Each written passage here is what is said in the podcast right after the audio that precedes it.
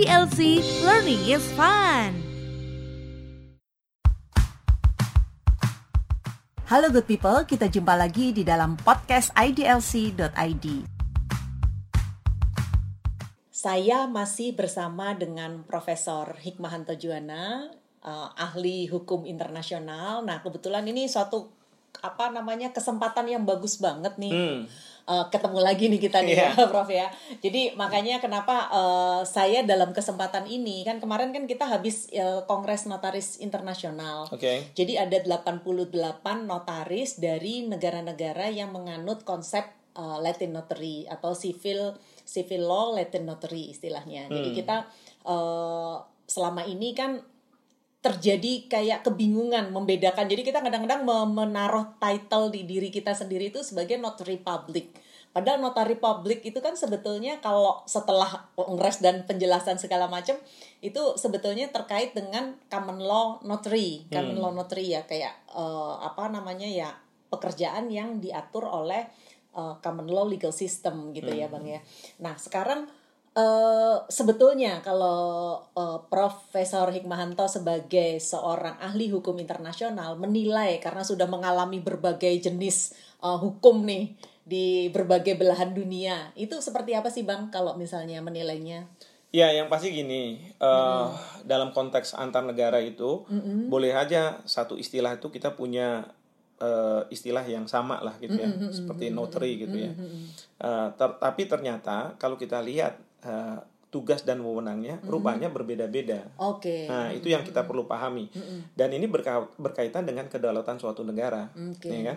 Cuman karena dunia sudah mengglobal, yeah. bukannya tidak mungkin pengaruh dari satu negara didampakkan ke negara lain, mm-hmm. gitu ya.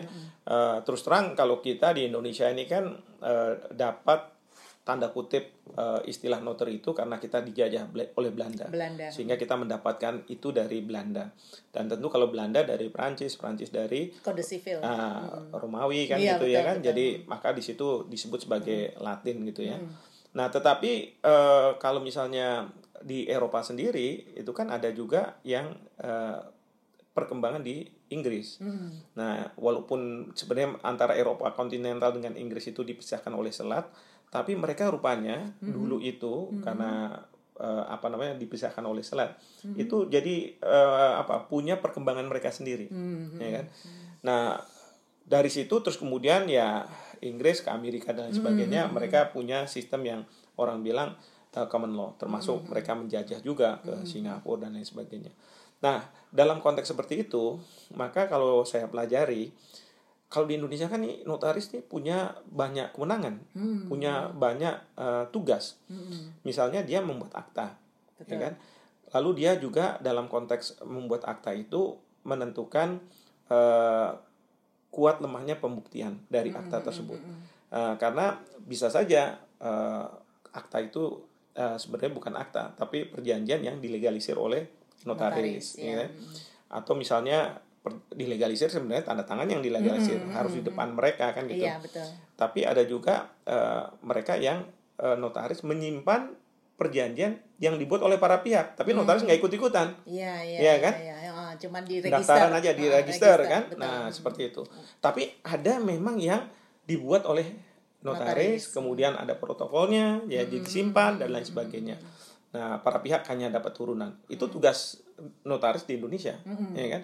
Tapi notaris juga di Indonesia uh, punya kewajiban juga uh, melakukan misalnya lelang, mm-hmm. gitu kan? Sebagai uh, pejabat lelang. Sebagai pejabat lelang. Mm-hmm. Notaris juga dia juga tanda kutip membuat akta waris gitu kan hmm, uh, pakai tanda kutip bang emang kita bikin akta waris oh, akta waris emang ini yang sering kali nggak mau sama notaris oh, gitu makanya ya? tanda kutip oh, gitu. biar pengadilan aja katanya kan oh, gitu. kalau ribet bang kalau ribet ya kan nah itu kan bener kan ya kalau ada sengketa bang ya. daripada kita dituntut-tuntut bang itu dia nah misalnya hal yang seperti itu kan jadi kewenangannya banyak sekali tapi kalau misalnya saya lihat misalnya di Singapura atau misalnya di uh, Amerika bahkan di Inggris sebenarnya yang membuat kontrak -hmm. itu bukan notaris. Oke. Okay. Itu yang kalau di Inggris namanya solicitor.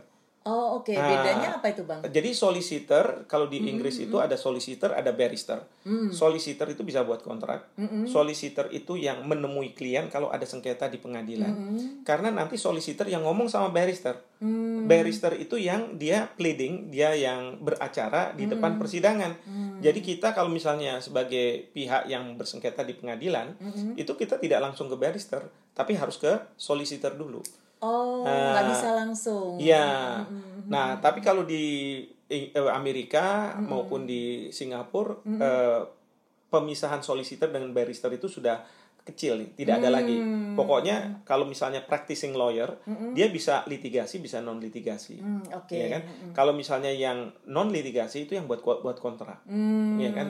Dia yang memberi uh, misalnya general corporate gitu ya, hmm. memberikan advice dan lain sebagainya itu yang non litigasi. Mm -hmm. uh, di Singapura uh, juga sama sebenarnya, tapi mm. mereka punya spesialisasi. Mm -hmm. Jadi oh ini spesialisasinya untuk yang khusus untuk buat perjanjian. Mm -hmm. Yang satunya lagi untuk litigasi mm -hmm. di court atau di arbitrase mm -hmm. ada nanti uh, uh, apa namanya spesialisasi yang lebih ketat lagi. Mm -hmm. Nah sementara notaris itu hanya mengatakan bahwa ini true copies gitu ya. Hmm. Ibaratnya kayak legalisir aja. Iya, iya. Ya, ya jadi ya, ya. mereka datang cuma ngecap aja gitu. Oh, uh, bahkan kalau di Amerika itu uh, tidak harus sarjana hukum gitu ya. Oh, Tapi mereka okay. mohon maaf ya, uh, bisa saja uh, penjual rokok dan lain sebagainya, oh, gitu? toko iya. Terus kemudian kita datang Nah, dia memang disertifikasi oleh uh, negara bagiannya hmm. untuk kemudian dia bisa memberikan cap bahwa nih loh ini certified ya saya udah lihat sendiri oh. dan ini certified cuman itu aja oh. kalau cuman melihat gitu aja kan sebenarnya harus sekolah fakultas nggak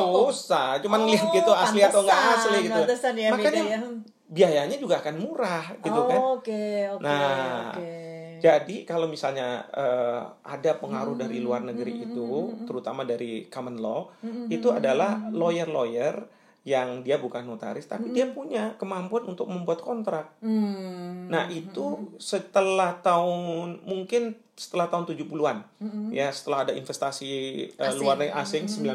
1967 kan kita hmm. mengundang hmm. itu ada firma-firma hukum yang melakukan itu di Indonesia. Salah satunya hmm. MKK, hmm. Mokhtar Kapuin Komar, hmm. lalu ada ABNR, hmm. Ali Budiarjo Nugroho dan Rekso Diputro. Hmm. Itu kalau menurut saya law firm awal yang hmm mengintroduce ya uh, uh, cara kayak di Amerika di mana hmm. lawyer itu bisa membuat perjanjian. Hmm. Karena sebelum-sebelumnya itu kalau kita buat perjanjian pergi ke iya, notaris. Iya, iya, betul betul. Jadi betul, uh, sementara kalau kita mau pergi ke pengadilan, kita hmm. baru pergi kantor pengacara. Hmm. Jadi model-model kayak di Inggris itu solicitor sama barrister gitu ya, walaupun nggak nggak sama ya. Hmm. Tapi seperti itu.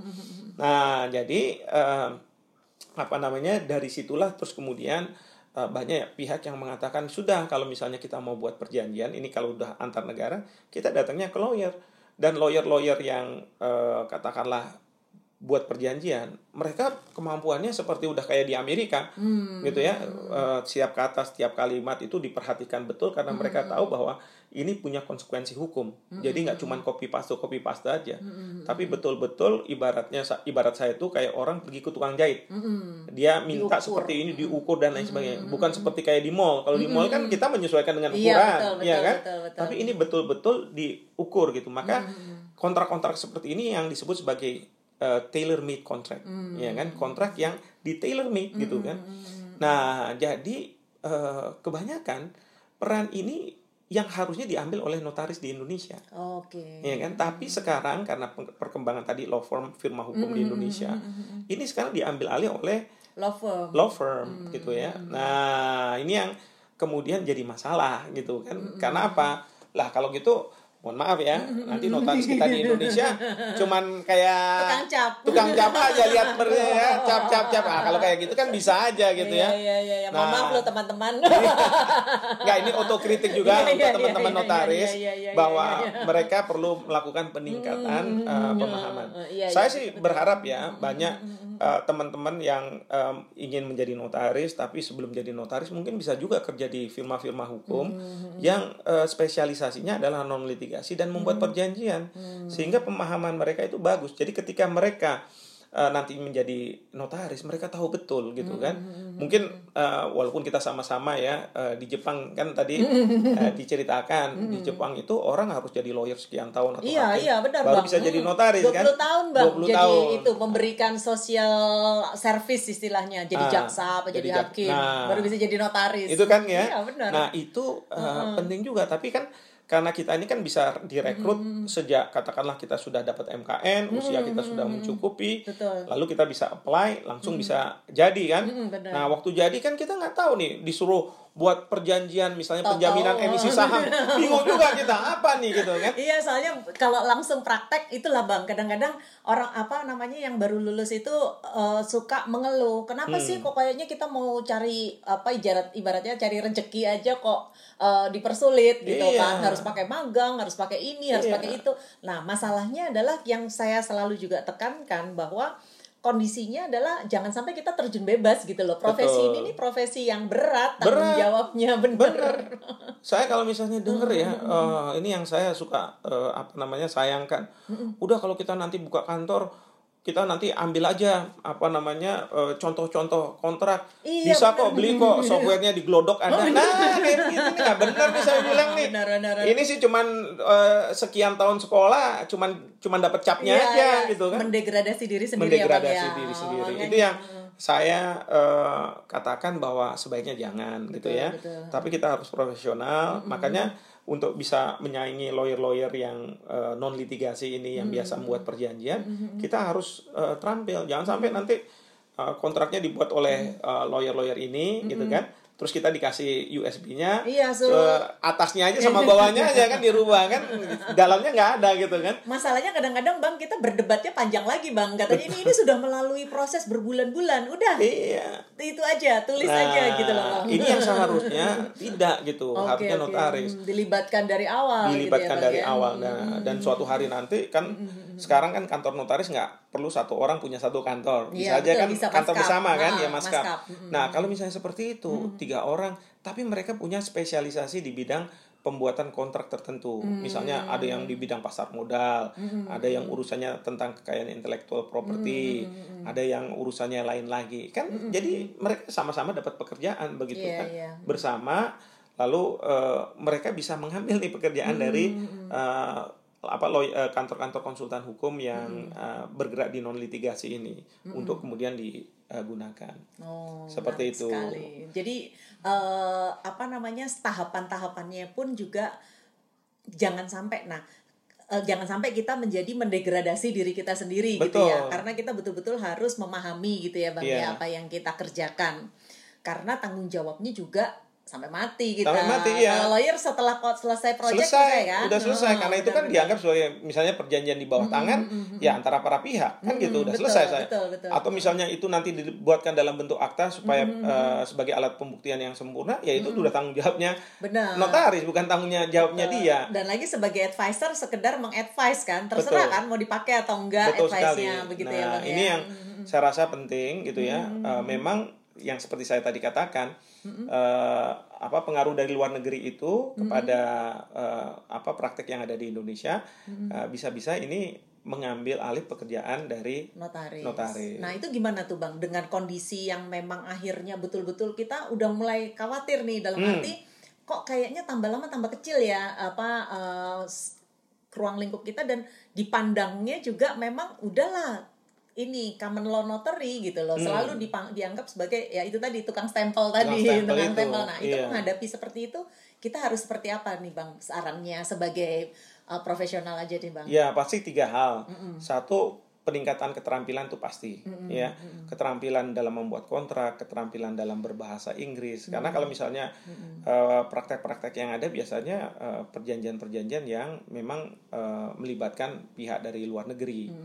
Nah yang kedua adalah eh, membangun kepercayaan eh, dari stakeholders, terutama mereka-mereka yang membuat perjanjian bahwa notaris itu mampu Hmm. ya kan kalau misalnya mereka mereka tidak percaya ya kembali lagi mereka akan pakai eh, konsultan-konsultan hukum atau eh, apa namanya pengacara yang non litigasi ini Hmm. nah lalu yang keempat adalah eh, mereka tentu para notaris ini ya harus uh, paham dengan dunia luar gitu. Hmm. Karena kadang-kadang kalau misalnya kita notaris tuh, mohon maaf sekali nih, paling senang kalau misalnya kita bukan jadi notarisnya, jadi PPAT-nya. Iya. Karena terkait tanahnya aja gitu ya, ya. Karena dan transaksinya kan kalau PPAT kan akta jual beli, kalau iya, saya lihat uh, kan sudah iya, standar kan, standar. cuma tinggal isi-isi aja ya kan, ya kan? tinggal nanti transaksinya adalah uh, fee-nya adalah berdasarkan uh, berapa harganya gitu kan. Nah oh, ini, nih. Ya. Bang Bang Gigi aja berpikir gitu ya, apalagi kita nih. Apalagi orang luar. Iya tapi kalau misalnya kita uh, mengekspos diri kita dengan perkembangan di luar negeri kita paham. Saya yakin bahwa banyak orang akan percaya bahwa oh ya ini notaris kita nih bagus. Mm-hmm. Apalagi kita sekarang masuk ke era digital. Justru itu bang uh, pertanyaannya. Nah kalau misalnya era digital sebenarnya apa sih kita ini gitu kan? Mm-hmm. Uh, tentu bisa saja bahwa namanya kontrak digital kan kita nggak harus hadir mm-hmm. uh, secara fisik gitu ya di satu tempat mm. bisa saja kita di tempat lain tapi pertanyaannya adalah siapa yang membuat perjanjian ini mm-hmm. ya kan di sana mungkin konsultan hukum yang pengacara yang non litigasi katakanlah ya yang jago itu. Mm-hmm. ya istilahnya Wall Street corporate, uh, uh, corporate lah gitu ya. corporate lawyer. Uh, corporate lawyers. Sementara kalau kita di Indonesia kalau misalnya kita diminta oleh stakeholders kita terus kemudian uh, siapa namanya notaris yang diminta untuk membuat perjanjian hmm. nanti nggak bisa. Nah, kan repot hmm, gitu ya, kan. benar, benar, benar. jangan sampai notaris cuma sekedar untuk mensahkan bahwa oh iya pihak di Indonesia ini memang benar dan lain sebagainya lagi-lagi dia cuma sebagai tukang cap, iya kan? iya, iya. kalau misalnya pakai apa namanya digital signature dan lain sebagainya untuk memastikan bahwa memang orang itu yang menandatangani kan mungkin saja ada notaris yang diminta untuk memang betul ini mm-hmm. uh, digital signature-nya dia gitu kan? Mm-hmm. bahwa dia memang ada ya kan? Notaris mungkin bisa kayak begitu. Mm-hmm. Tapi kalau kayak begitu aja ya, lama-lama juga bisa dipegang juga sama uh, pengacara-pengacara iya, yang non litigasi Betul. karena di luar negeri juga seperti itu mm-hmm. nah ini yang uh, kita harus uh, pandai juga menghadapi merespon apa yang ada di luar sana Oke, terima kasih sekali nih uh, Prof Hikmahanto. Kita benar-benar tercerahkan nih pada hari ini. Sama-sama. Semoga Jangan tersinggung tapi oh, ya. Ini kan kita ngomong apa adanya. ini nasihat yang bagus. Artinya kita juga harus uh, mengupgrade diri dan juga buat adik-adik yang baru lulus juga jangan selalu kepingin langsung praktek karena kita betul-betul kayak terjun bebas dan yang kita hadapi adalah rimba berantara lah istilahnya ya. Betul ya. Sekali. Jadi supaya uh, kita sendiri juga betul-betul jangan sampai juga lama-lama profesi notaris itu punah ya bang betul ya? betul oke semoga bermanfaat apa yang kita sampaikan sampai jumpa di dalam podcast podcast selanjutnya salam